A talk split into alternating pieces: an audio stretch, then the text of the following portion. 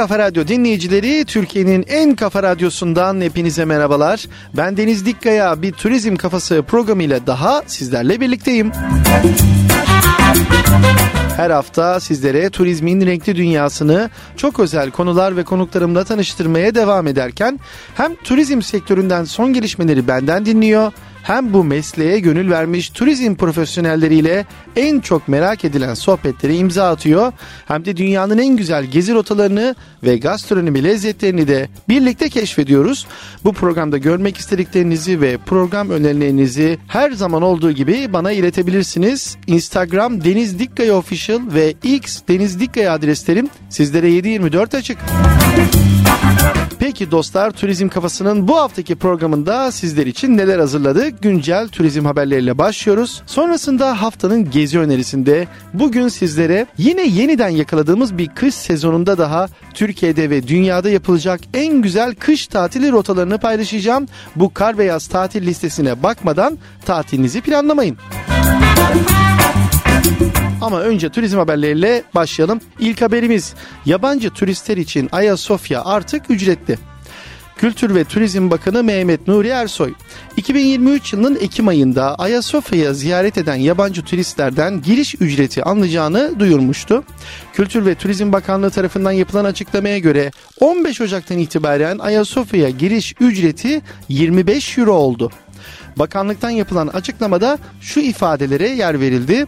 Ayasofya'yı Kebir Camii Şerifinde ibadete gelenleriyle tarihi camiyi kültürel amaçlı ziyaret eden yabancıların girişlerini birbirinden ayırma çalışmalarında sona geldik. Kültür ve Turizm Bakanı Mehmet Ersoy'un Ayasofya'da başlattığı restorasyon ve koruma çalışmaları kapsamında ziyaretçiler için hazırlanan galeri katının 3. Ahmet Çeşmesi karşısına konumlandırılan bilet gişesi 15 Ocak'ta hizmete girdi. Bakan Ersoy'un daha önce Ayasofya'yı Kebir Camii Şerifinde başlatılacağını duyurduğu ziyaretçi yönetim planı uygulaması ile artık tarihi camide uzun kuyruklar oluşmayacak. Galeri bölümüne gelen turistler burada cami harim katı ile Osmanlı dönemi eklerini görerek cennet cehennem kapısından geçecek ve bu bölümdeki Bizans dönemi mozaiklerini de inceleme şansına sahip olacak. Ayasofya'yı Kebir Camii'nde 15 Ocak'ta başlayacak olan yeni uygulama ile turistler camideki ibadet ortamında bozmadan ziyaretlerini gerçekleştirilebilecek. Ayasofya'da QR kod uygulamasıyla hayata geçirilen kulaklıklı sistem ile ziyaretçiler cep telefonlarının kulaklıkları ve sağlanacak tek kullanımlık kulaklıklarla ibadet edenleri rahatsız etmeden sessiz bir ortamda 23 dilde bilgi alabilecek. Tarihi camiye turistik amaçla giren yabancılardan alınacak giriş ücreti ise 25 euro. Sıradaki haberimiz rapor diyor ki Türkiye ekonomisi 2024'te turizmle büyüyecek. Mastercard Ekonomi Enstitüsü MEI, küresel ekonomiye dair 2024 yılı öngörülerini hazırladığı bir raporla paylaştı. Söz konusu rapora göre 2024 yılında çoğu ekonomide enflasyon baskıları hafifleyecek, tüketiciler iş gücü piyasasındaki güç sayesinde harcama yapmaya devam edecek. Öte yandan bu yıl fiyat enflasyonu ücret enflasyonundan daha fazla düşecek, satın alma gücü artacak. Mastercard 2024 yılında küresel enflasyonun 2023 yılındaki %6 seviyesinden %4.9'a gerilemesini bekliyor. Genel büyümede bir yavaşlama olsa da tüketicilerin son birkaç yıldır gösterdiği direncin devam etmesi bekleniyor. Raporda turizmin bölgesel olarak bazı ekonomiler için parlak nokta olmaya devam edeceği ifade ediliyor. 2023 verilerine göre Türkiye, Mısır, Tunus ve Birleşik Arap Emirlikleri 2022'ye kıyasla Avrupalılar için en hızlı büyüyen ilk 10 destinasyon arasında yer almıştı. İtalya, İspanya, Portekiz ve Yunanistan'a yapılan rezervasyonlar aynı dönemde daralmıştı. Rapora göre en çok seyahat eden grup olan orta sınıf Avrupalılar için bu eğilim 2024 yılında hızlanacak. Türkiye ve Mısır yaz tatillerini Güney Avrupa'da yapmayı tercih etmeyen Avrupalılar için daha uygun maliyetli destinasyonlar olmaya devam edecek. Ön rezervasyonlarda %45 artış var. Corendon Airlines Yönetim Kurulu Başkanı Yıldıray Karaer, Hollanda'da düzenlenen Utrecht Vakantiebeurs Turizm Fuarı'nda değerlendirmelerde bulundu. 2024 yılı için her şeyin yolunda göründüğünü belirten Kariyer, rezervasyonlara baktığımızda geçen yıla göre %45 ilerideyiz. Türkiye turizmi her yıl %5 ile 7 arasında büyüyor. Bu sezon Alanya'ya fokuslanacağız. Şu anda turizmi çeşitlendirmek, sezonu uzatmak için bir dizi çalışma içindeyiz. 14 tane tenis sahası, patent sahaları yapmakla meşgulüz. Spor turizmine özellikle tenis konusunda yaptığımız yatırımlarla ön planda olmak istiyoruz şeklinde konuştu. 2024'te uçak kapasitelerini de %15 artırdıklarını belirterek Türkiye'ye bir ilginin olduğunu görüyoruz.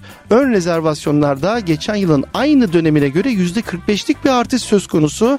Ancak geçen yıl bir fiyat şoku nedeniyle talep biraz durmuştu.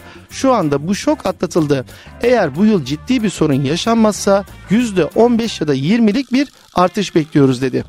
Karayer Türkiye dahil 15 ülkeye 900 bin koltuk ayırdıklarını bunun üçte birinden fazlasını Türkiye'ye kalanını da diğer 14 ülkeye planladıklarını söyledi.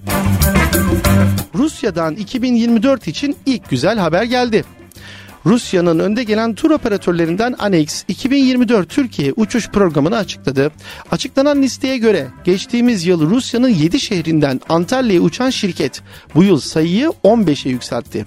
Anex Tur ayrıca ülkenin 6 şehrinden Dalaman'a, 5 şehrinden de Bodrum'a uçuş yapacak. Piyasaya sunulacak paket tatillerin yaz dönemindeki fiyatı ise 133 bin ruble yani yaklaşık 1512 dolardan başlayacak.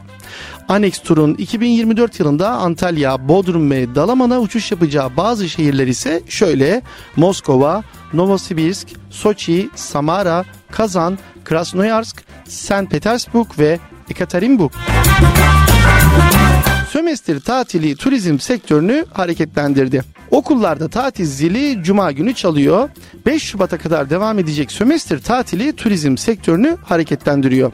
Kayak ve termal otellerde ön rezervasyonlar %80'i bulurken son dakika rezervasyonlarıyla birlikte %90'ların üzerine çıkması bekleniyor. Tatil döneminde kayak otellerinde 2 kişilik standart oda gecelik ortalama fiyatları 10 bin liradan başlıyor. Termallerde ise bu fiyat ortalama 7 bin lira. Çocuklar için etüt ve spor etkinlikleri düzenleyen Antalya'da oteller ise 2 yetişkin bir çocuk için gecelik ortalama 5 bin lira. Son dönemin gözdesi Kapadokya otellerinde ise 2 kişilik oda kahvaltı fiyatları ortalama 4 bin lira. Bu fiyatlar otelin konumu, hizmeti ve oda türüne göre farklılık gösterebiliyor. Evet sömestr tatiliyle ilgili sektörden bazı rakamları size ilettim. Ama bakalım gerçekten bu iş, bu durum böyle mi? Nereye gidiyoruz şimdi? Kayseri Erciyes'e gidiyoruz. Kayseri Erciyes'te Radisson Blue Hotel Mond Erciyes Genel Müdürü Altuğ Çiloğlu'ndan rakamları ve sömestr tatiline nasıl hazırlandıklarını direkt dinleme imkanına sahip olacağız.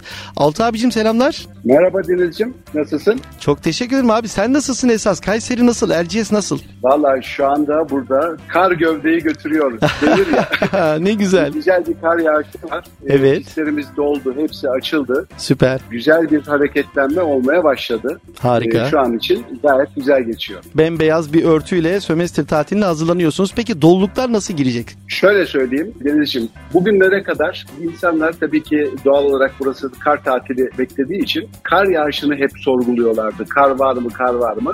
E malum iki sezondur kar biraz yavaştan geriden geldi. Fakat şu son e, bir haftadır zaten bizim pistlerimizde bir kendi otelimize ait olan pistlerde bir sıkıntımız yoktu ama e, genel anlamda Erciyes Kayak Merkezi'nin pistlerinin açılmasıyla ilgili diye sorarsak e, onlar da işte bir haftadır e, hep bütün pistlerimiz açılmış durumda.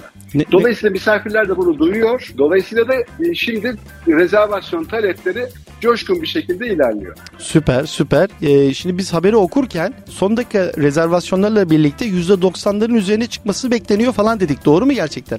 Gerçekten doğru. Harika. Bizim açımızdan doğru. Harika harika. Güzel bir sezon olacak gibi gözüküyor. Tabii evet. çok güzel otel Radisson. Ee, Kayseri Erciyes'in zaten karı da çok kaliteli bir kar. Ee, orada kayak yapması da çok keyifli. Geçtiğimiz senelere göre bu yıl farklılıklar var mı? Pistte hazırlıklar nasıl? Sezon nasıl geçecek? Valla şöyle söyleyebilirim. Ee, biliyorsun belki burada toplam pist uzunluğu yani aktarma bağlantı yollarıyla beraber 112 kilometre bir mesela şey var.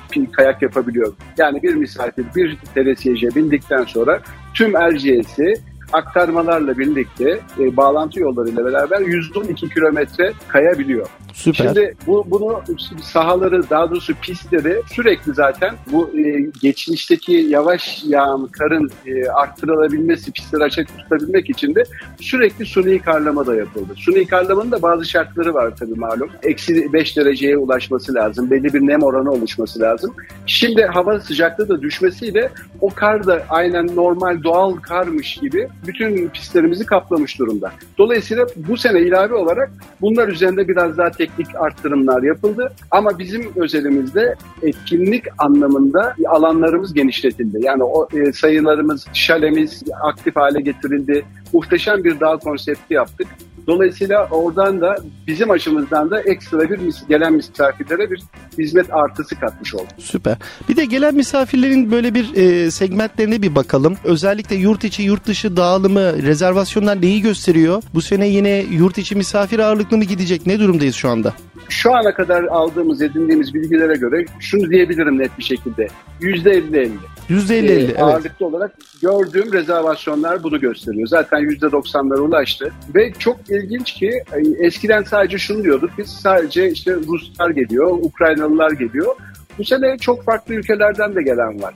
Yani Avrupa ülkeleri var, İngiltere var, Fransa'dan gelenler var, İspanya'dan gelenler var. Ama bir de Asya ülkeleri de var. Örneğin Malezya, e, Singapur.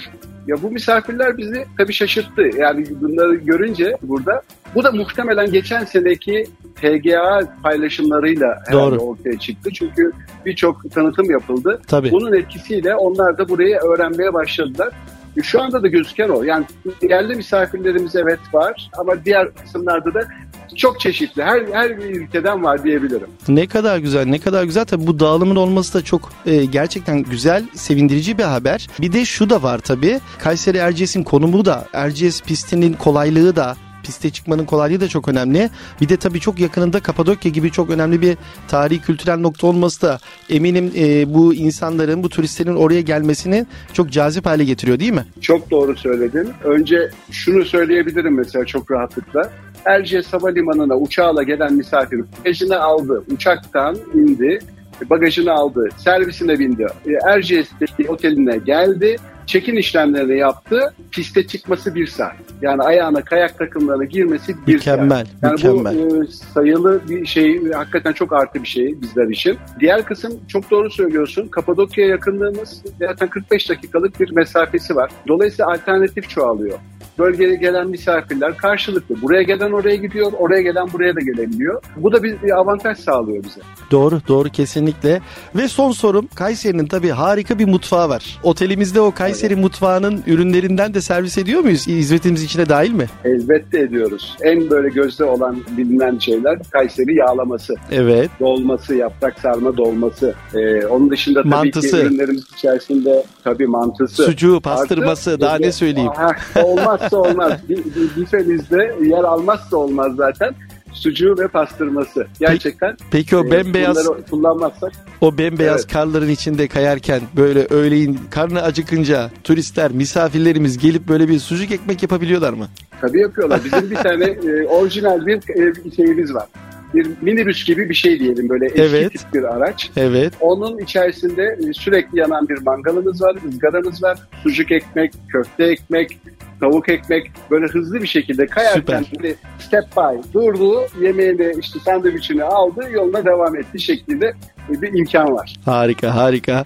Çok teşekkür ederim Altı abi. Radisson Blue Hotel Mount Erciyes Genel Müdürü Altı Çiloğlu'ndan Sömestre Kayseri Erciyes nasıl hazırlandı onu dinledik. Çok teşekkür ederim. Ben teşekkür ediyorum Deniz'ciğim. İnşallah e, en kısa zamanda görüşmek üzere. Seni de burada bir ağırlayalım. Mutlaka. Ee, bu hazır sezonumuz varken bir anlattıklarımı kendi gözlerimle de deneyimleme fırsatı yarattı. Evet evet yani. çok isterim çok isterim gerçekten çok güzel olur. Size tüm Kayseri Erciyes'teki sektördeki çalışan arkadaşlarımıza harika bir sezon diliyorum. Görüşmek üzere. Çok teşekkür ediyorum. Görüşmek üzere. Hoşçakal. Sıradaki haberimizle devam ediyoruz. Verginin komisyonu olur mu? Türk otelcilerle Booking gibi online seyahat acentesi devleri arasındaki asimetrik ilişkide otelcilerin aleyhine işleyen bir başka sürecin daha olduğu ortaya çıktı. Otelciler otalara yani online travel agencilere net değil brüt fiyat verebildiği için fiyata dahil olan %10 KDV ile %2 konaklama vergisi bedeli içinde komisyon ödemek zorunda. Örneğin online seyahat acentesi üzerinden %15 komisyonla 500 bin dolarlık satış yapan bir otel o otaya 66 bin dolar yerine 75 bin dolar yani fazladan 9 bin dolar komisyon ödemek zorunda. Bu yanlışın düzeltilmesi için başta Booking.com olmak üzere online seyahat portallarına başvuran otelcilere sistem bu şekilde yanıtı veriliyor. Türkiye'deki konaklama vergisi de OTA sisteminde city tax yani şehir vergisi değil devlet hükümet vergisi olarak görüldüğü için komisyondan muaf tutulmuyor. 2023 yılının ilk enleri rapor olarak açıklandığı İstanbul kaçıncı sırada? Uluslararası araştırma şirketi Euromonitor International tarafından hazırlanan 2023 yılının enleri raporunda birçok ayrıntı yer alırken en çok ziyaret edilen şehirler sıralamasında Avrupa şehirleri ilk sıralarda yer aldı. İstanbul bu yıl en çok yabancı turist ağırlayan şehir oldu. Euromonitor International'ın en iyi 100 şehir destinasyonu endeksi 2023 raporunda genel bir şehir çekiciliği puanı oluşturmak için 100 şehir destinasyonu için 6 temel sütunda 55 farklı ölçütü karşılaştırıyor. Ekonomik ve ticari performans, turizm performansı, turizm altyapısı, turizm politikası ve çekiciliği, sağlık ve güvenlik ve aynı zamanda da sürdürülebilirlik gibi unsurlar dikkate alınarak hazırlanan raporda birçok ayrıntı dikkat çekiyor. 2023 yılında Paris hem iç hem de dış turizmdeki dengeli performansı nedeniyle turizm performansı sıralamasında ilk sırada yer alıyor. Turizm altyapısı herhangi bir şehrin rekabetçi seyahat ortamında önemli bir oyuncu haline gelmesinin temelini oluşturuyor. Buna göre Londra 2023 yılında dünya çapında en iyi turizm altyapısına sahip şehir olarak öne çıkmış. Rapordan yine çok önemli bir çıktıyla devam edelim. Jeopolitik çalkantılara ve artan hayat pahalılığına rağmen seyahat geri dönüyor. Uluslararası seyahatlerdeki güçlü toparlanma %7 olarak tahmin edilen yüksek enflasyona ve %3.8 oranında artması beklenen hane başına küresel harcanabilir gelire rağmen 2023 yılında 1.3 milyara ulaşması öngörülen seyahatlerdeki %38'lik büyümeyle devam etti. 2023'teki toparlanma için önemli bir dönüm noktası hükümetin karantina şartlarını kaldırmasının ardından Çinli uluslararası gezginlerin geri dönüşü oldu. Küresel genel turizm harcamalarının 2023 yılında 1.7 trilyon ABD doları olarak gerçekleşmesi beklenmekte. Enflasyonist baskılar, ekonomik belirsizlik ve iş gücü sıkıntısı 2024 yılında seyahat endüstrisinin karşılaşacağı başlıca zorluklardan birkaçı. 2024'ün ilk çeyreğinde küresel stagflasyon yaşanması durumunda uluslararası seyahatlerin sayısı bakımından öngörülen 1.5 milyar seyahatten 1.4 milyar 600 milyona düşmesi bekleniyor.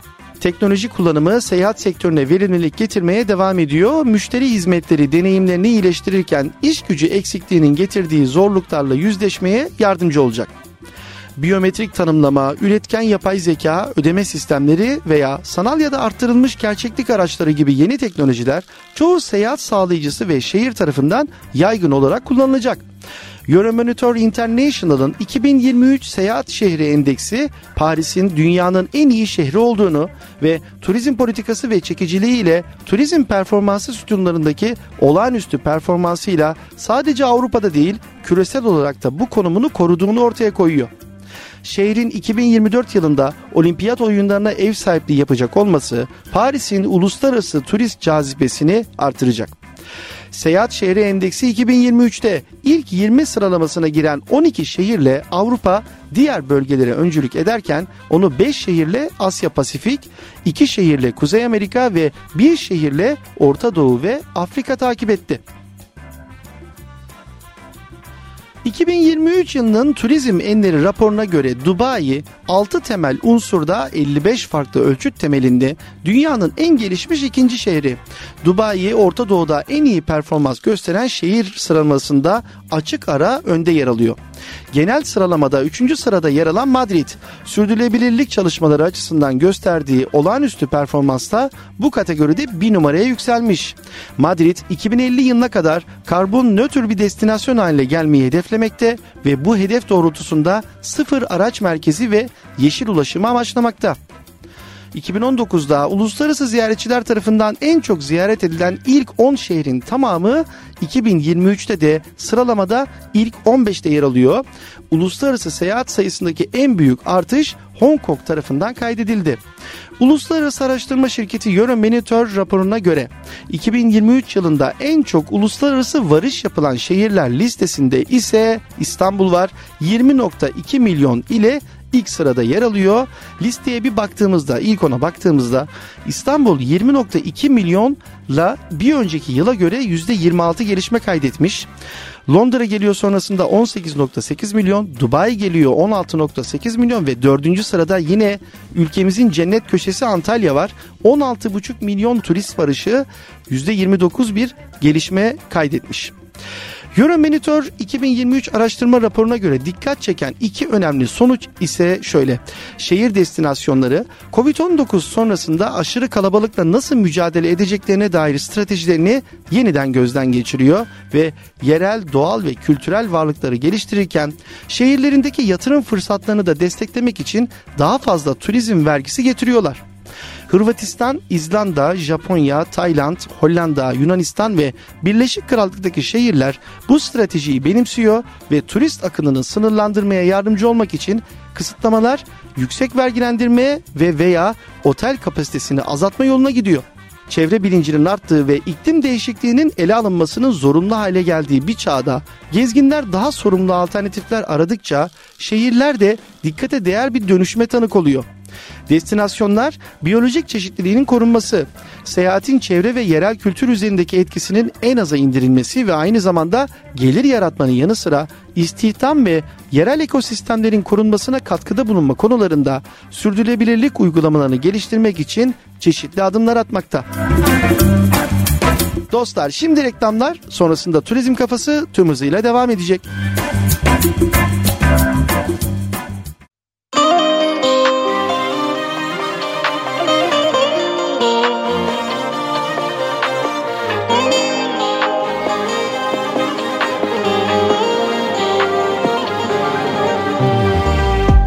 Alev oldum. Gözlerin için bir rüzgar oldum Saçların için bir hayal oldum Mutluluk için bir dünya kurdum var ya. İkimiz için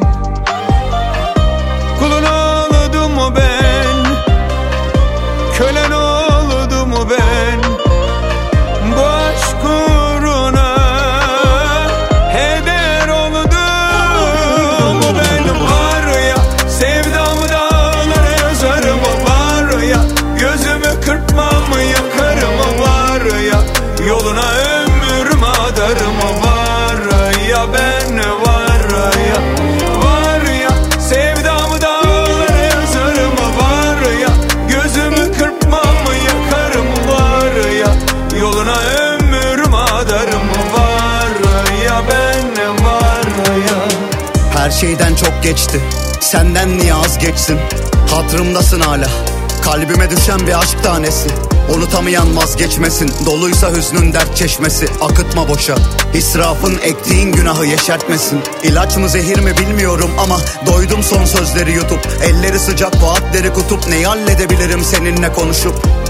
Böylece susup açar mı bir gül solduğu yerden bunu sormalı İstanbul'u iki yakasından tutup Belli ki hala pişmansın. Geceden kara gözleri puslu. Sabahı zor ediyor aklın Uğramıyor seni kandıran uykun. Beni bağlayan uydum Nasıl aklına uydum? Sana karşı bir yanlışım olmadı. Aynı dün gibiyim huzurlu uyudum. Bazı acılar sessiz bilinir Bazı sevgiler fısıldanır. Alabora olmuş sana açılan gemi. Bırak şimdi martıları. Kaynamaz ruhun kırıkları. İyi kötüden az hatırlanır. Öyle de yalan bir dünya işte. Bu yüzden gitmene şaşırmadım. Var ya sevdamı dağlara yazarım o var ya Gözümü kırpmam yakarım. O var ya Yoluna ömrüm adarım. O var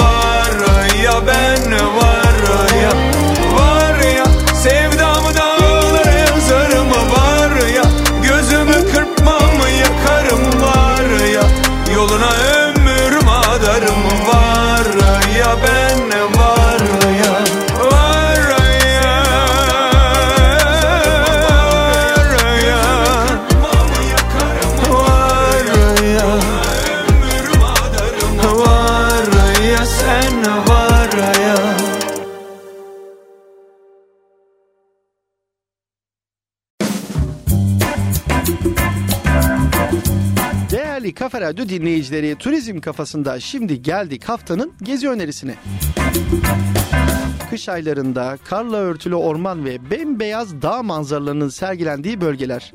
Şehir stresinden uzaklaşmak ve keyifli bir mola geçirmek için ideal. Bu dönemde yakın tatil bölgeleri ve kış turizmiyle ünlü destinasyonlarla tatil yapmak çok uygun. Türkiye'de de son yıllarda kış tatili giderek yine popüler hale gelmeye başladı. Bu da otellerin ve sunulan imkanların çeşitlenmesine neden oldu. Kış tatili dediğimizde Kayseri, Bursa, Erzurum gibi şehirler özellikle kış sporları için ideal ve rağbet gören destinasyonlar.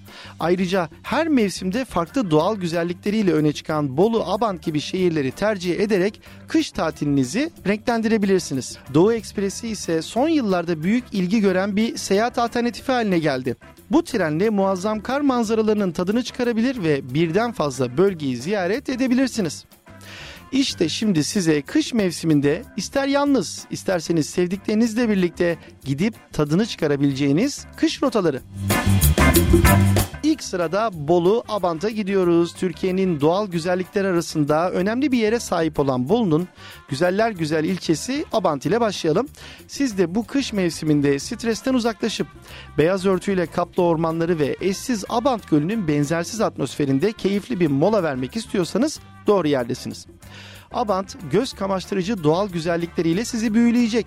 Türkiye'nin en ünlü göletlerinden biri olan Abant Gölü etrafındaki ormanlar ve temiz havasıyla adeta bir doğa harikası. Yedigöller Milli Parkı ve Gölcük Tabiat Parkı gibi yerlerde ziyaretçilerini doğanın kucağına davet ediyor. Yedigöller bölgesi kış aylarında hem günübirlik ziyaretler hem de kar manzaralarının tadını konforlu otellerde çıkarabileceğiniz destinasyonlardan birisi her zaman adını duyduğumuz, fotoğraflarını gördüğümüz Yedi Göller'e henüz gitmediyseniz mutlaka rotanızın içerisine almalısınız. Yedi Göller aslında bir milli park. Bolu il sınırları içerisinde bulunan milli parkta yeşilin her tonunu görebileceğiniz sımsıkı orman ve birbirinden güzel 7 adet heyelan gölleri bulunuyor. Gastronomi tutkunları için ise Abant eşsiz lezzetleriyle dolu bir cennet. Sabahları güne enerjik başlamak istiyorsanız bölgenin nefis kahvaltı lezzeti mıhlama tam size göre. Tatlı molasında ise yöresel tatlı Abant kuyma sizi mest edecek. Abant genelinde mutlaka tatmanız ve yemeden içmeden dönmemeniz gereken lezzetler hangileri mi? İşte onlardan birkaçı Yedi Göller kebabı hem kuzu hem de piliç etini bir arada bulabileceğiniz yöresel bir kebap çeşidi. Bıldırcın ızgara. Mangal ateşinde pişirilen bıldırcın ızgaralarda Abant'ın kendine has lezzetlerinden. Kaldırık dolması. Her çeşidi yapılan dolmalar ülkemizde çok seviliyor ama kaldırak otundan hazırlanan bu yöresel dolma da çok lezzetli. Ve tabi leziz mi leziz Abant kebabı. Peki nasıl yapılıyor bu Abant kebabı dersek işte size tarifi. Patlıcanları boydan ikiye kesin. Kesik yerlerini zeytinyağıyla yağlayıp tuzlayın. Fırını 220 dereceye ayarlayıp patlıcanları fırında yarım saat kadar pişirin ya da dilerseniz yağda kızartın. Dana etini küçük kuşbaşı doğrayın. Soğan, sarımsak, biber, mantar ve domatesleri de yemeklik doğrayın. Zeytinyağını tavada kızdırıp etleri yağda kavurun. Ardından soğan, biber ve sarımsağı ilave edin ve kavurmaya devam edin. Mantarları da tavaya ekleyip kavurun. Son olarak domatesleri de ilave edin ve 5 dakika daha pişirin. Tuzunu ve baharatlarını da eklediğiniz harcı ocaktan alın. Pişirdiğiniz patlıcanların içlerini çatalla ezip hazırladığınız harçla doldurun. Fırının sıcaklığını 200 dereceye düşürüp patlıcanları yeniden fırına verin. 20 dakika daha pişirdikten sonra üzerine kaşar rendisi serpin. Yeniden fırına verip kaşarların kızarmasını bekleyin. Sıcak servis edin. Afiyet olsun. Ailece keyifli vakit geçirmek isteyenler için Abant çocuklarınızın da hoşlanacağı doğa aktiviteleri ve yürüyüş rotaları sunuyor. Eğer biraz nostalji arıyorsanız Doğu Ekspresi ile muazzam kar manzaralarının tadını çıkarabilir, birden fazla bölgeyi keşfetme şansı bulabilirsiniz. Ulaşım konusuna gelince Abant'a gelmek çok kolay. İstanbul'dan sadece birkaç saatlik bir yolculukla bu doğal cennete ulaşabiliyorsunuz. Otobüs ya da kendi aracınızla da rahatlıkla seyahat edebilirsiniz. Abant'ta kışın tadını çıkarmak için daha ne bekliyoruz? Unutulmaz bir tatil için valizlerinizi hazırlayın ve bu doğal güzelliklerle dolu cennette keyif dolu bir zaman geçirmeye hazırlanın. En güzel kış tatili rotalarında şimdi de Kars Sarıkamış'a gidiyoruz. Doğu Ekspresi ile bir yolculuğa çıkıp kar manzaraları ve kayağa Sarıkamış'ta doymaya ne dersiniz? Şimdi sizleri Türkiye'nin doğal güzellikleri arasında önemli bir yere sahip olan ve tarihi zenginlikleriyle öne çıkan Sarıkamış'a götürmek istiyorum. Sarıkamış Türkiye'nin kuzeydoğusunda yer alan ve tarihi derinlikleriyle dikkat çeken bir ilçe. Özellikle 1. Dünya Savaşı'nda yaşanan Sarıkamış harekatı ile ünlü. Ayrıca bölgenin doğal güzellikleri ve zengin kültürel mirası ziyaretçileri büyüleyen unsurlar arasında. Sarıkamış tarih ve doğa ile iç içe geçmiş bir bölge. Gezilecek yerler arasında Şehitler Anıtı, Allahu Ekber Dağları ve Karanlık Kale gibi tarihi ve doğal zenginliklere ev sahipliği yapan noktaları var. Doğu'nun kar manzaraları elbette ki muhteşem ama Sarıkamış hem Sarıçam ormanları hem de kayağa oldukça elverişli pistleriyle kış tatili yapmak isteyenler için en doğru adreslerden biri. Peki neden diye sorarsanız işte size birkaç maddede Sarıkamış pistleri. Toplam pist uzunluğu 25 kilometre. Pistler iki etaplı. Zirveden birinci etapa kadar 5 pist, birinci etaptan aşağı kadar 2 pist var. Bu bölgede 200 metrelik half pipe yani snowboard pisti de bulunuyor. Dünyada kaymak için en iyi yer olarak geçen Alplerde görülen kristal kar bir tek Sarıkamış'ta var. Dolayısıyla snowboardçuların ve off pistçilerin favorisi. Kar tam 141 gün burada yerde kalıyor. Pistleri sakin. Hava her zaman açık hatta Türkiye'nin en çok güneş alan yerlerinden hava nedeniyle gidip de kayamama şansınız çok düşük. Pistlerde buzlanma diye bir sıkıntı neredeyse hiç yok. Dilerseniz Doğu Ekspresi ile tüm İç Anadolu ve Doğu Anadolu'nun kar manzaralarını, dağlarını, ovalarını, göllerini ve akarsularını izleyerek Kars'a doğru trenle ilerleyebilirsiniz. Dilerseniz bir saatlik bir uçak yolculuğunun ardından Kars'a ulaşabilirsiniz. Sarıkamış ailece keyifli bir tatil geçirmek isteyenler için de ideal. Doğal güzellikleri, tarihi mekanları ve çocuk dostu atmosferiyle Sarıkamış ailelerin huzurlu ve keyifli bir tatil geçirmelerine olanak tanıyor. Sarıkamış'a gittiğinizde mutlaka denemeniz gereken yöresel lezzetler arasında tandır kebabı, un helvası, hurma tatlısı, kaz lokması, mihriban pilavı, ayran aşı ve kımı çorbası bulunuyor. Hasuda tatlısı Kars'ın en çok tercih edilen tatlarından biri. Klasik un helvasının şerbetli versiyonu olarak değerlendirilebiliyor. Çok güzel bir tatlı Hasuda tatlısı. Kars seyahatiniz esnasında mutlaka deneyimlemeniz gereken bir lezzet. Peki Kars'ın meşhur yerel lezzetlerinden biri olan Kars böreği nasıl yapılıyor? Önce malzemeleri vereyim. 250 gram un, 150 gram tereyağı, yarım litre süt, 250 gram gravyer peyniri ve 5 yumurta bir tutam da tuz. Unu bir kaba koyuyoruz, 5 yumurta kırıyoruz ve yumurta teli ile iyice karıştırdıktan sonra yarım litre sütü ve 75 gram tereyağını ve tuzu ilave ediyoruz. Biraz daha karıştırıyoruz. Kalan tereyağını bir kapta eritiyoruz. Fırçayla bir tepsiye sürüyoruz. Tepsi ateşte hafifçe kızarınca bulamaçtan yarım kepçe döküyoruz. Ateşte yalnız altı kızardıktan sonra 250 gram rendelenmiş gravyer peyniri biz sütle yumuşatıyoruz ve içerisine maydanoz atıyoruz. Pişirilen hamurların yarısının kızaran yerlerine de sürüyoruz. Diğer hamurların kızaran baş yönleri peynirin üzeriyle kapatılıyor. Sıcakken servis yapılıyor. Afiyet olsun. Sarıkamış tarihi ve doğal güzellikleri, kayak pistleri, lezzetli yemekleri ve aile dostu atmosferi ile sizi bekliyor. En güzel kış tatili rotalarında şimdi Kastamonu Ilgaz'a gidiyoruz. Dikkatlerimizi Kastamonu'nun doğal güzellikleriyle bezenmiş cennet köşesi Ilgaz'a çeviriyoruz. Hazır mısınız? Keşfedilmeyi bekleyen bu harika destinasyona birlikte göz atalım. Ilgaz Anadolu'nun Kastamonu ve Çankırı arasında bulunan Ilgaz, kış tatili için kalabalık olmayan yerleri tercih edenler için en iyi rotalardan biri. Kayak yapmaya oldukça elverişli olan Ilgaz Dağı, kayak merkezleriyle de ziyaretçilerden tam not almayı başarıyor. Ankara'ya yakın tatil yerleri arasında yer alan Ilgaz'a hem yakın çevrelerden hem de İstanbul gibi büyük şehirlerden ziyaretçiler geliyor. Ilgaz otelleri de gerek konforları gerekse pistlere olan yakınlığı ve imkanlarıyla keyifli bir kış tatiline olanak sağlıyor. Ilgaz Milli Parkı oldukça zengin bitki örtüsü ve çevresindeki görülmeye değer tarihi değerleriyle mutlaka görmeniz gereken bölgelerden. Valla Kanyonu, Çatak Kanyonu, Ilgarini Mağarası gibi coğrafi oluşumlarda kış tatilinize keyif katacak doğal güzellikler arasında yer alıyor. Ilgaz Kayak Merkezi hakkında da kısa bir bilgi verelim. Ilgaz Kayak Merkezi 1850 metre yüksekliği olan Ilgaz Sıra Dağları üzerinde bir tesis. Tesisteki üst istasyon ise 1995 metre yükseklikte. Milli Park sınırları içerisinde bulunan kayak merkezi yerli ve yabancı turistlerin kış turizmi için en çok tercih ettiği yerler arasında. Özellikle kendini geliştirmek isteyen misafirler tarafından daha çok rağbet gören tesisteki en hareketli dönem Aralık ayında başlıyor ve Nisan ayına kadar devam ediyor.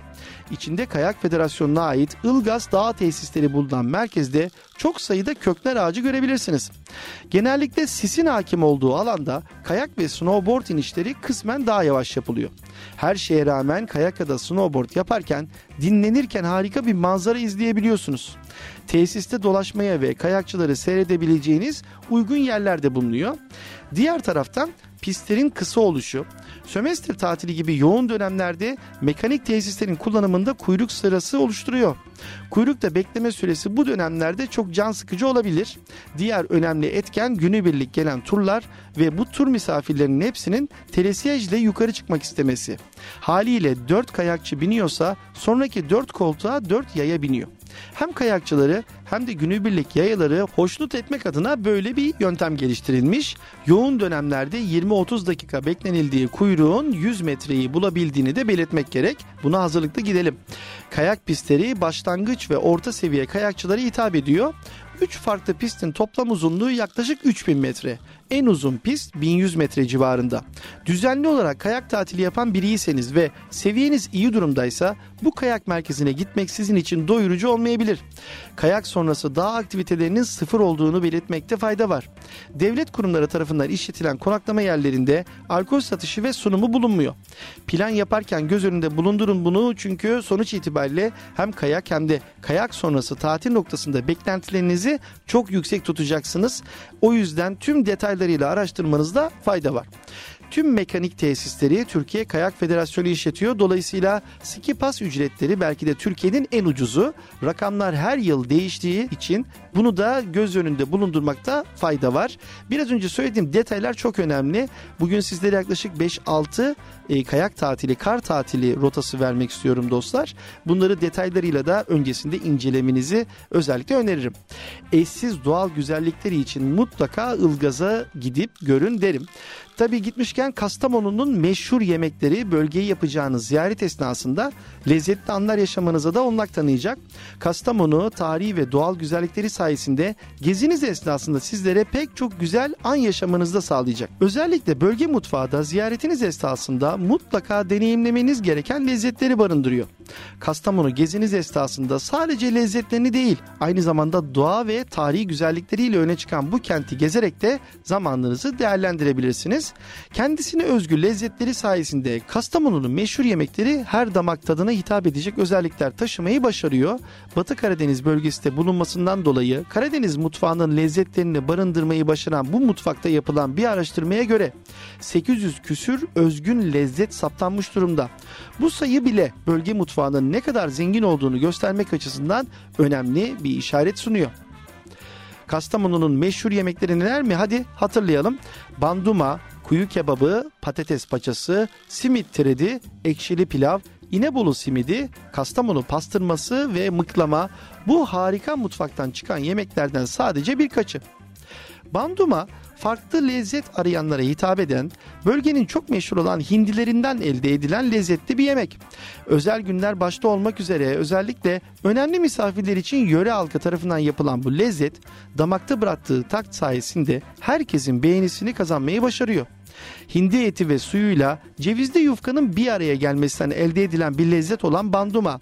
Ustalık isteyen bir yemek olduğundan bölge dışındaki yerlerde bulma şansınız oldukça düşük. Özellikle hindi eti ve suyunun leziz tadının ceviz serpiştirilmiş yufka ile buluşmasından doğan bir lezzet olduğundan hemen herkesin hoşuna gitmeyi de başarıyor. Ilgaz Anadolu'nun yüce dağı tüm kayak severleri bekliyor. En güzel kış tatili rotalarına devam ediyoruz ve olmazsa olmaz bir lokasyona, olmazsa olmaz bir güzellik köşesine gidiyoruz. Bursa Uludağ'dayız. Türkiye'de kayak, orman, dağ ve kış deyince akla gelen ilk adres elbette Uludağ oluyor. Yeşilcam filmlerinde dahi gördüğümüz Uludağ otelleri yıllardan beri kış aylarında tatilin en konforlu adreslerinden biri olmayı sürdürüyor. Uludağ yılın her döneminde ayrı güzelliklere sahip ama kış manzaralarının ve kayağın keyfini Uludağ'da çıkarmanın da verdiği huzurun yeri hepimizin kalbinde ayrı. Uludağ hem profesyonel kayakçılar hem de amatörler için oldukça elverişli pistlere sahip. Zorluk dereceleri birbirinden farklı pistleri ve pist zirvelerine kolayca ulaşım sağlayabileceğiniz Telesiki, Telesiyej gibi araçlarıyla kış aktivitelerini yaparken de asla zorlanmıyorsunuz. Uludağ konaklama alternatifleri açısından da oldukça geniş seçeneklere ev sahipliği yapıyor. Bungalov evler, 5 yıldızlı oteller ya da butik oteller gibi farklı konaklama seçeneklerinden bütçenize ve isteklerinize uygun olan Uludağ otelleri ile kış tatilinin keyfini çıkarabilirsiniz. Uludağ Kayak Merkezi Bursa'nın güneybatısında yer alıyor. Fatin Tepe ve Kuşaklıkaya adlarındaki iki tepe üzerinde kurulmuş bir kayak merkezi. 11.338 hektarlık alanı içeren Milli Parkı da kapsayan alan Bursa şehir merkezine yaklaşık yarım saat mesafede ve 36 kilometre uzaklıkta. Uludağ Kayak Merkezi modernliği ve kalitesi ile Türkiye'nin kış turizminin merkezi konumunda. Otellerin bulunduğu 1800 metre rakım ile başlayan kayak merkezi 2200 metre rakıma kadar çıkan kayak tesislerinin yanı sıra 2543 metrede bulunan zirvesiyle hem Türkiye'nin hem de dünyanın birçok farklı yerinden ziyaretçi alıyor. Uludağ'ın ismini alması Cumhuriyet'in ilk yıllarına kadar uzanıyor. Bursa'da bir öğretmen ekibi tarafından daha önce kurulan özel bir encümen 1925 yılında coğrafya encümeninin de ilk şubesi olarak kabul görmüş. Şubenin ilk düzenlediği Keşiş Dağı'na tırmanış gezisine katılan heyette bulunan Türk Tıp Tarihi Kurumu kurucularından Doktor Osman Şevki Bey, dağın ululuğu karşısında şaşkınlığa uğramış ve ne ulu dağ deyivermiş. Ankara'ya döndüğü zaman da bir rapor hazırlayarak dağın adının Uludağ şeklinde değiştirilmesini teklif etmiş. O zaman Mareşal olan Fevzi Çakmak da bu öneriyi kabul etmiş ve o tarihten bu yana Uludağ adıyla anılmasını da sağlamış. Bu ad günümüze kadar aynı şekilde gelmeyi başarmış. Soyadı kanunu çıktığı zaman da Doktor Osman Şevki Bey Bursalı olan lakabını Uludağ soyadını alarak değiştirmiş. Tarihinde Uludağ'a çıkan ilk kişi ise Abraham adındaki bir Alman. 1928 Amsterdam Olimpiyatlarına katılacak Türk atletlerine antrenman yaptırmak üzere Türkiye'ye çağrılan Alman antrenör Alexi Abraham Bursa gezisi yaparken 1933 yılının Ocak ayında tek başına kayakla Uludağ'a çıkıyor. Büyük otelde birkaç gün kalıp fotoğraf çektirdikten sonra Bursa'ya dönüyor. Abraham çektiği fotoğrafları Vali Fatin Güvendir'ine gösteriyor ve Uludağ'da kayak sporunun yapılabileceğini anlatıyor. Uludağ Kayak Merkezi hakkında biraz daha bilgi verelim. Uludağ Kayak Merkezi'nde en düşük rakım 1750 metre iken en yüksek rakım 2543 metre. Otellerin olduğu alanın zirve noktası ise yaklaşık 2000 metre. Kayak merkezinde toplamda 11 adet ana pist bulunmakla birlikte alpin usulü snowboard, cross country, hele skiing stillerinde kayak yapabileceğiniz pistler de yer alıyor. Ayrıca stillerin yanı sıra acemi kayak kullanıcıları için oldukça geniş alanlar var. Burada profesyonellerden ders alarak kendinizi geliştirebiliyorsunuz. Gelelim kayak merkezindeki taşıma araçlarına. 13 adet lift, 7 adet telesiyej, 6 adet teleski, 7 adet T-barın yer aldığı Uludağ'da ayrıca 24 saat hizmet veren acil yardım merkezi ve 1 adet mobil klinik mevcut. En uzun pist 2 kilometre, en uzun telesiyej 1.7 kilometre. Merkezdeki toplam pist uzunluğu ise yaklaşık 25 kilometre.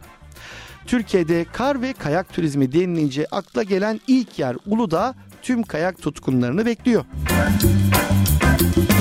En güzel kış tatili rotalarında Kayseri'ye Erciyes'e uzanıyoruz. İç Anadolu bölgesinin en güzel ve lezzet dolu illerinden biri olan Kayseri. Gerek ulaşım kolaylığı gerek çevresinde çokça gezilecek yer olmasından dolayı mutlaka görmeniz gereken şehirlerden. Erciyes Dağı'nda bulunan kayak merkezleri ve görkemli kış otelleri ise hem kış sporları yapabileceğiniz hem de huzurlu kış manzaralarının keyfini çıkarabileceğiniz imkanlar sunuyor. Kayseri'nin neresinden bakarsanız bakın tüm ihtişamı ile yükselen Erciyes Dağı'nın yüksekliği 3910 metre.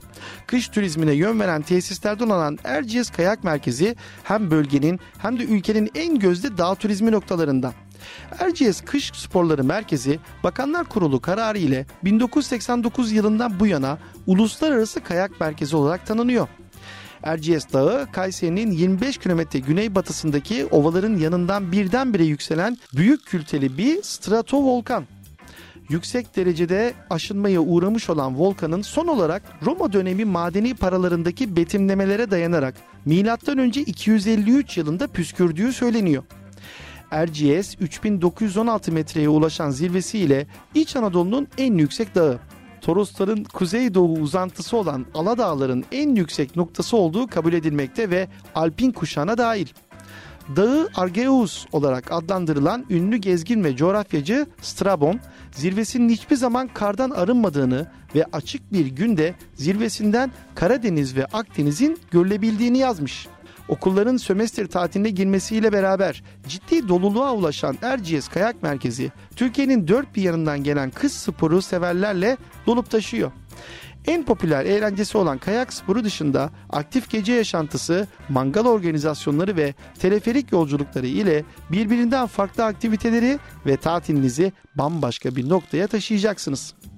Erciyes Kayak Merkezi ideal kar kalınlığıyla hem yeni başlayan hem de ileri seviye kayakçılara unutamayacakları deneyimler yaşatıyor. Dünyadaki en popüler kayak merkezlerindeki gibi Erciyes Kayak Merkezi'nde de Kasım ayı başından Nisan ayı sonuna kadar 6 ay boyunca toz kar yağışı devam ediyor.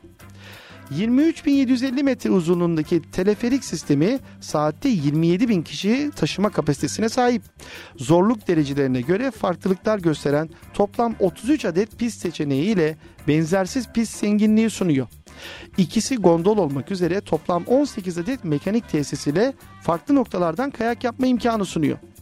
1450 yatak kapasiteli dağ otelleri, 5000 yatak kapasiteli Kayseri merkezli oteller olmak üzere geniş bir seçenek konaklama. Havaalanına 25 dakika, Kayseri merkeze 20 dakika, Kapadokya'ya 60 dakika mesafedesiniz. Daha ne istiyoruz değil mi? Ne duruyoruz hadi Kayseri'ye.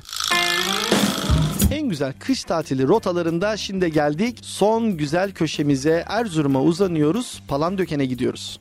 Bugünkü Erzurum, Karasu yani Fırat Nehri'nin geçtiği ovanın güneydoğusunda Palandöken Dağları'nın kuzey eteklerinde kurulmuş. Çünkü burası bölgeler arası geçişi sağlayan yolların geçtiği, yaşam için gerekli olan su kaynakları ve tahıl üretimine elverişli ovalarıyla eskiden beri insanların yerleştiği bir bölge.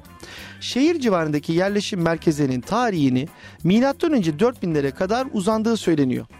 Pulur, Tufanç, Sos ve Cines gibi höyüklerden elde edilen zengin arkeolojik buluntular bölgede Hattiler, Hititler, Hurriler ve Urartular, daha sonra ise Kimmerler, Saka Türkleri, Medler, Persler, Makedonyalı İskender, Selevöskler, Partlar, Romalılar, Sasaniler, Araplar, Gürcüler, Saltuklular, Selçuklular, Moğollar, İlhanlılar, Karakoyunlular, Timurlular, Akkoyunlular, Safeviler ve Osmanlılar bu bölgeye yıllar boyunca hakim olmuşlar. Farkındaysanız 20'ye yakın farklı farklı devlet saydım. E, bunların bazıları devlet, e, bazıları topluluk ama en sonunda da Osmanlılar döneminden sonra da ta Türkiye Cumhuriyeti'ne kadar uzanmış. Dede Korkut kitabında Karuneli ile Erzurum'u kastettikleri belirtiliyor. Ayrıca vilayet nizamnamesine göre Anadolu'da kurulan ilk vilayet Erzurum. Mustafa Kemal Paşa 3. Ordu müfettişi olarak Erzurum'a geldiğinde yani 3 Temmuz 1919'da bölgedeki vatanseverleri bir araya getirerek Erzurum Kongresi'ni 23 Temmuz 1919'da gerçekleştiriyor ve başkanlığına da tabii ki Mustafa Kemal Paşa seçiliyor. Kış tatilinin Türkiye'deki en güzel ve en renkli adreslerinden biri de Erzurum Palandöken. Dünyaca ünlü kayak merkezlerine ve pistlere ev sahipliği yapan Palandöken, kış aylarının tadını kış sporları yaparak çıkarmak isteyenler için ve öğrenmek isteyenler için de en güzel adreslerden bir tanesi. Palandöken otelleri de kış konseptine uygun dekorları ve imkanlarıyla ziyaretçilerinden tam not almayı başarıyor. Erzurum mutfağının en seçkin menülerini Palandöken Kayak Merkezi otellerinde tatmanız mümkün. Palandöken'e kadar gelmişken cağ kebabı ve cevizli kadayıf dolması yemeden dönmeyin. Peki Erzurum Palandöken Kayak Merkezi'nin bilinmeyen 19 özelliklerinin neler olduğunu sıralayalım mı? Birinci sırada başlayalım. Kayak alanının 2200 ile 3176 metre yükseklikte olduğunu biliyor muydunuz? Pistlerinin dünyanın en uzun ve dik kayak pistleri arasında yer aldığını, Palandöken Kayak Merkezi'nin pistlerinin en uzununun 12 kilometre olduğunu, pistlerinin toplam uzunluğunun 28 kilometre olduğunu, Palandöken Kayak Merkezi'nin pistlerin başlangıç noktası ile varış noktası arasındaki yüksekliğinin 1000 metre olduğunu, Palandöken Kayak Merkezi'nde 5 ay boyunca kayak yapmaya elverişli ortam olduğunu, büyük slalom yarışmaları için Uluslararası Kayak Federasyonu tarafından tescilli iki pisti bulunduğunu, Palandöken Kayak Merkezi'nde tüm pistlerde aynı anda yaklaşık 12 bin kişinin kayak yapabildiğini, çığ önleme ve suni kar sistemlerinin bulunduğunu, Palandöken Kayak Merkezi'nin kaymaya olanak sağlayan toz kar özelliğinin de bulunduğunu, her seviyedeki kayakçıya hizmet verebildiğini, Palandöken Kayak Merkezi'nin şehir merkezine en yakın kayak pistlerinden biri olduğunu, pistlerinin aydınlatılmasıyla gece kayağı dahil gün boyu kayak yapılabileceğini,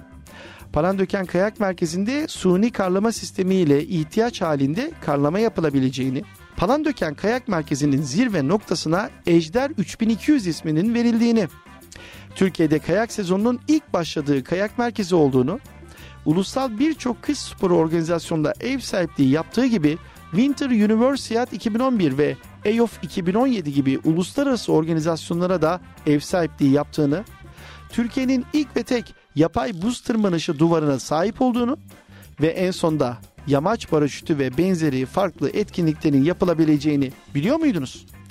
Hadi Dadaşlar şehri Erzurum'un görkemli dağı Palandöken sizi bekliyor dostlar. Şimdi güzel bir şarkı dinleyelim. Sonrasında turizm kafası tüm hızıyla devam edecek.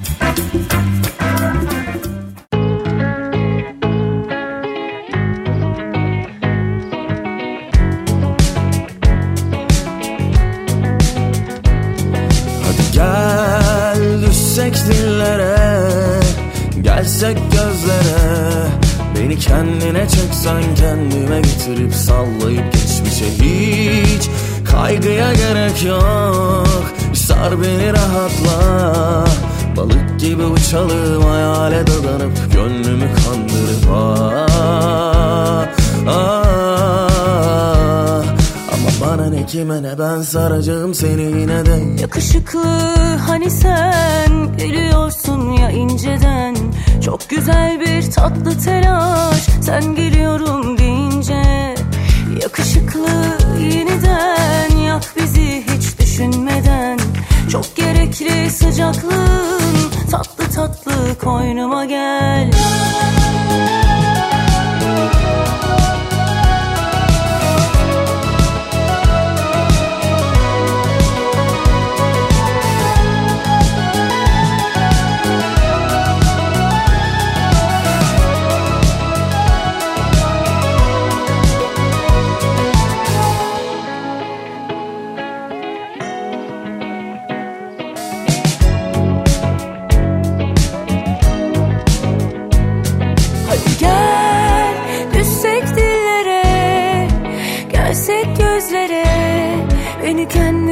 çeksen kendime getirip sallayıp geçmişi. Hiç kaygıya gerek yok. Bir sar beni rahatla.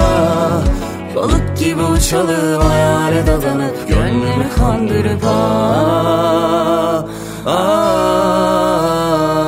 Ama bana ne kime ne ben saracağım seni yine de. Yakışıklı hani sen geliyorsun ya inceden güzel bir tatlı telaş. Sen geliyorum deyince Yakışıklı yeniden yak bizi hiç düşünmeden.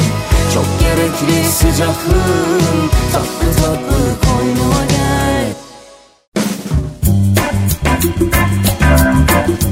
Dostlar bir turizm kafası programının daha sonuna geldik. Hem bu programı hem de daha önceki geçmiş tüm programlarımın podcastlerini kafaradyo.com'da, radyolat.com'da bulabilir ve Spotify dahil 724 her yerden dinleyebilirsiniz.